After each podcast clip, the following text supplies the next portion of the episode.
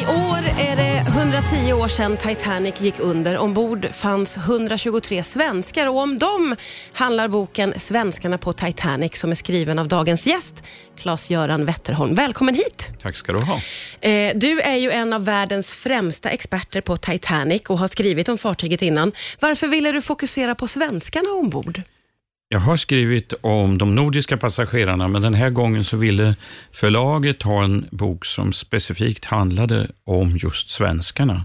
Så då kunde jag koncentrera mig på dem och skriva mycket om dem. Mm. Nu ska man ju inte tro att det bara var svenskar ombord på Titanic, men det var ju den tredje största passagerargruppen. Ja, det var ombord. så pass. Ja. Så att på så sätt så var ju efter engelsmän och amerikaner så blir ju svenskan det näst största språket på Titanic. Ja, just det. Och Det är ju lite märkligt. Och sen då irländarna som fjärde grupp och som femte grupp kom araber. Ja, ja, ja. Så att eh, de största språkgrupperna på Titanic var alltså sve- eh, engelska, svenska, arabiska Ja, där ser man. och finska. Så att det, är- det är väldigt blandat det här. Ja, det är det ju verkligen. Mm. Du fokuserar på eh, olika personer i boken här. Eh, bland annat så skriver du om Erik Lind. Vem var han?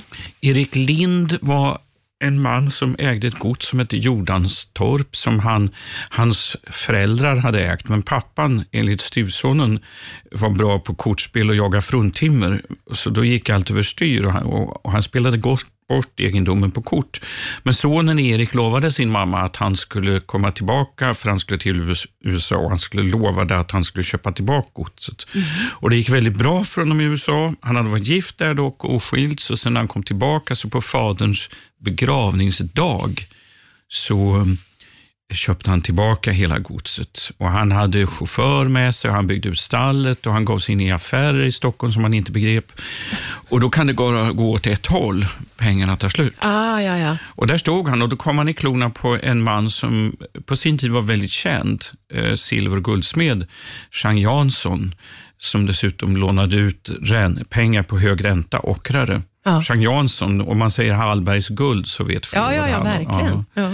Och en dag så, så drog han åt snaran och skulle ha sina pengar tillbaka och där stod Lind. Han kunde inte betala, han hade inga pengar.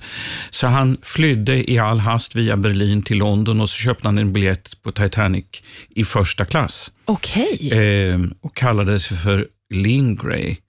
Nu har jag frågat hans styvson då, Åke, som nu är död idag, ehm, varför reste din far första klass om han stod på ruinens brant?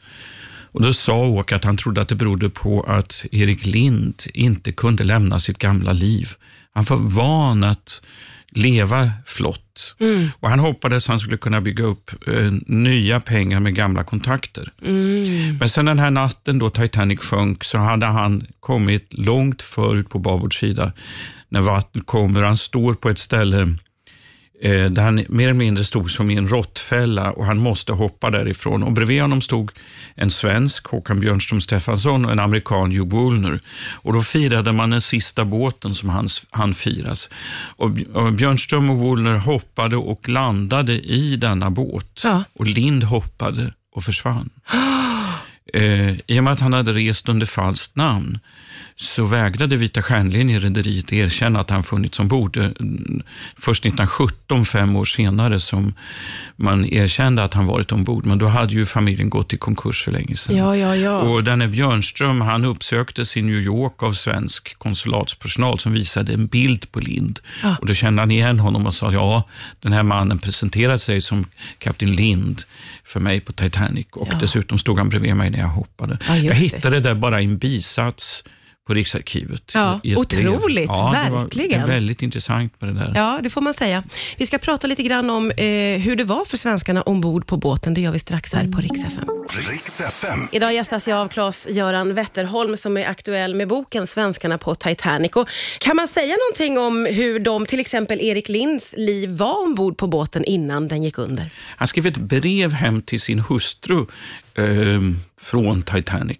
Och där skriver han att du kan inte göra en föreställning om vilken lyx, skriver han. Han är alldeles tagen av den lyx som finns ombord. Ja. För det var, man hade ju satsat på det här och de här stora Atlantångarna, de skulle, de skulle ersätta ett hotell. Så att man kunde i princip vara ombord och inte veta att man var till havs, Ja. för att det var så flott ombord. Ja. Och det fanns eh, alla typer av stilkopior. Eh, sen ska man inte tro att andra eller tredje klass hade det sämre, för att i tredje klass så blev, eh, fanns ju folk som till exempel inte ens visste hur man spolade en toalett. För det var därför de hade automatisk spolning ombord. Jaha. Ja. Och, sen, och en stewardess som visade folk hur man skulle använda toaletten. Men det, det är en ren detalj. Eh, Agnes Sandström, en av de som överlevde med sina två döttrar, hon sa att vi var inte tillbakahållna på något sätt, säger hon i en intervju 1962. Att vi hade det väldigt bra, det var bra mat Ja. och för en hel del var det så att det var första gången de satt vid ett dukat bord med vit bordduk och blev uppassade. Ja, just det. Ehm, Så överlag de brev och vykort som finns kvar där de skriver någonting om det som var ombord så skriver de hur bra de har det och hur väl omhändertagna de var av besättningen. Som, som visste att den bästa reklam man kunde få det var nöjda passagerare. Så Ja, är det ja. ju idag också. Ja, men det är klart Mm. det. Eh, hur många av svenskarna var det som överlevde? 34 av 123. Och eh, vad fick de för liv då efter den här traumatiska händelsen? Ja, det där är ju en intressant historia, för man talar ju om det här skuldsyndromet som drabbar folk som har överlevt stora trauman. Och många av de som överlevde kunde inte prata om det. De, de eh, tystnade. Ja, okej. Det Och var för svårt inom- för att... Nej, det gick inte helt Nej. enkelt. Jag vet att Agnes Sandström då, hon, hon pratade ju inte om det här när hon jobbade och, och slet och hade sig och, och sen gick hon in i pension. Och det var när hon gått i pension som alla minnen och allting kom tillbaka om mardrömmar och hon drömde om det där och kunde höra skriken på nätterna och här saker. Så att det här med, med um, traumabearbetning, det var inte bekant. Men Nej. så var det en man som hette August Wennerström som överlevde faktiskt från vattnet.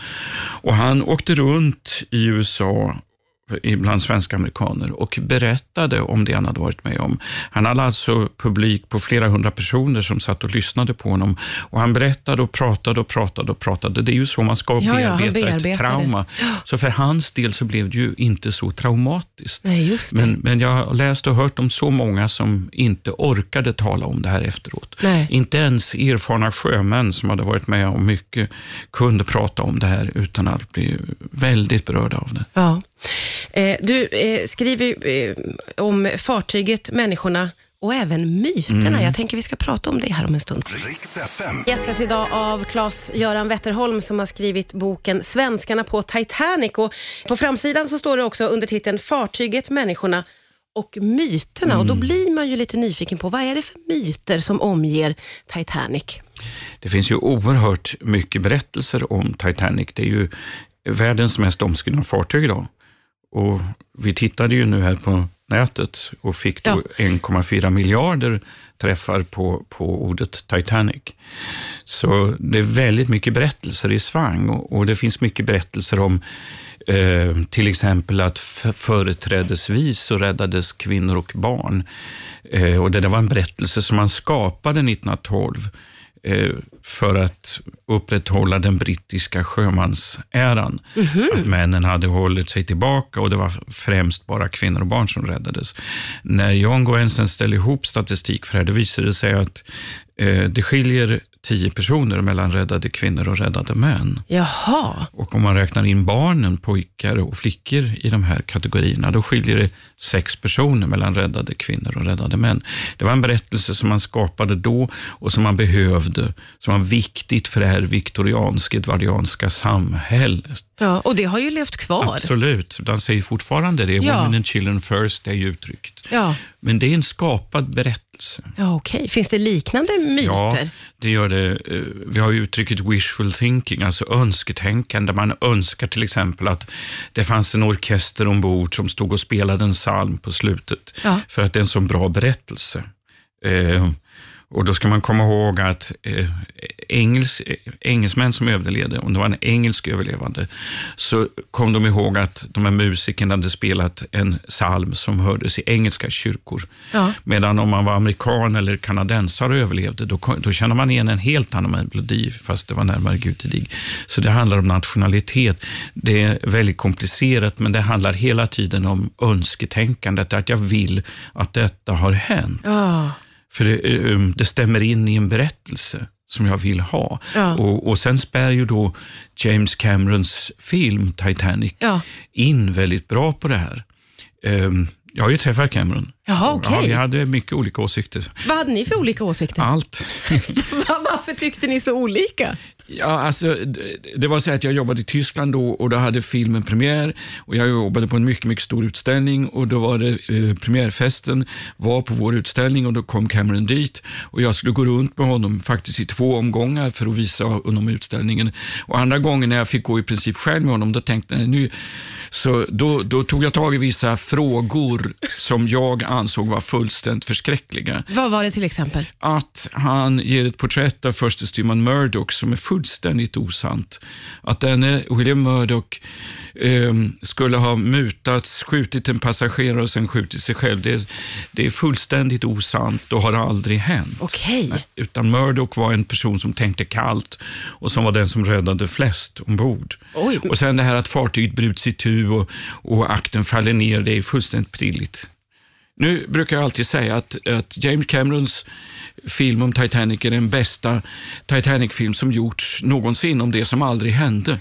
Oj, jaha, det här Ja. sätter ju allt i ett perspektiv. Jag har trott väldigt mycket nej, på den här alltså, filmen. det jag vill ju inte fördärva filmen för folk, men det finns så många roliga detaljer som man börjar tänka sig när, när Rose och Jack, de, de har ju en kärleksstund i den här bilen. Ja. Men den där bilen kom i något som kallas för case of automobile, alltså en, en, en låda bil. Och då kom ju bara underredet och sen hade man vinterchassi och sommarchassi. Okej. Så skulle de haft sex där, då hade det varit direkt på kamaxeln. Och det var en ganska kletig historia måste jag säga. Det hade inte passat sig i filmen, definitivt inte. Nej, eh, vill man eh, få reda på lite mer fakta då så kanske man ska läsa din bok Svenskarna på Titanic. Tusen tack Claes-Göran Wetterholm för att du kom hit idag. Tack ska du ha.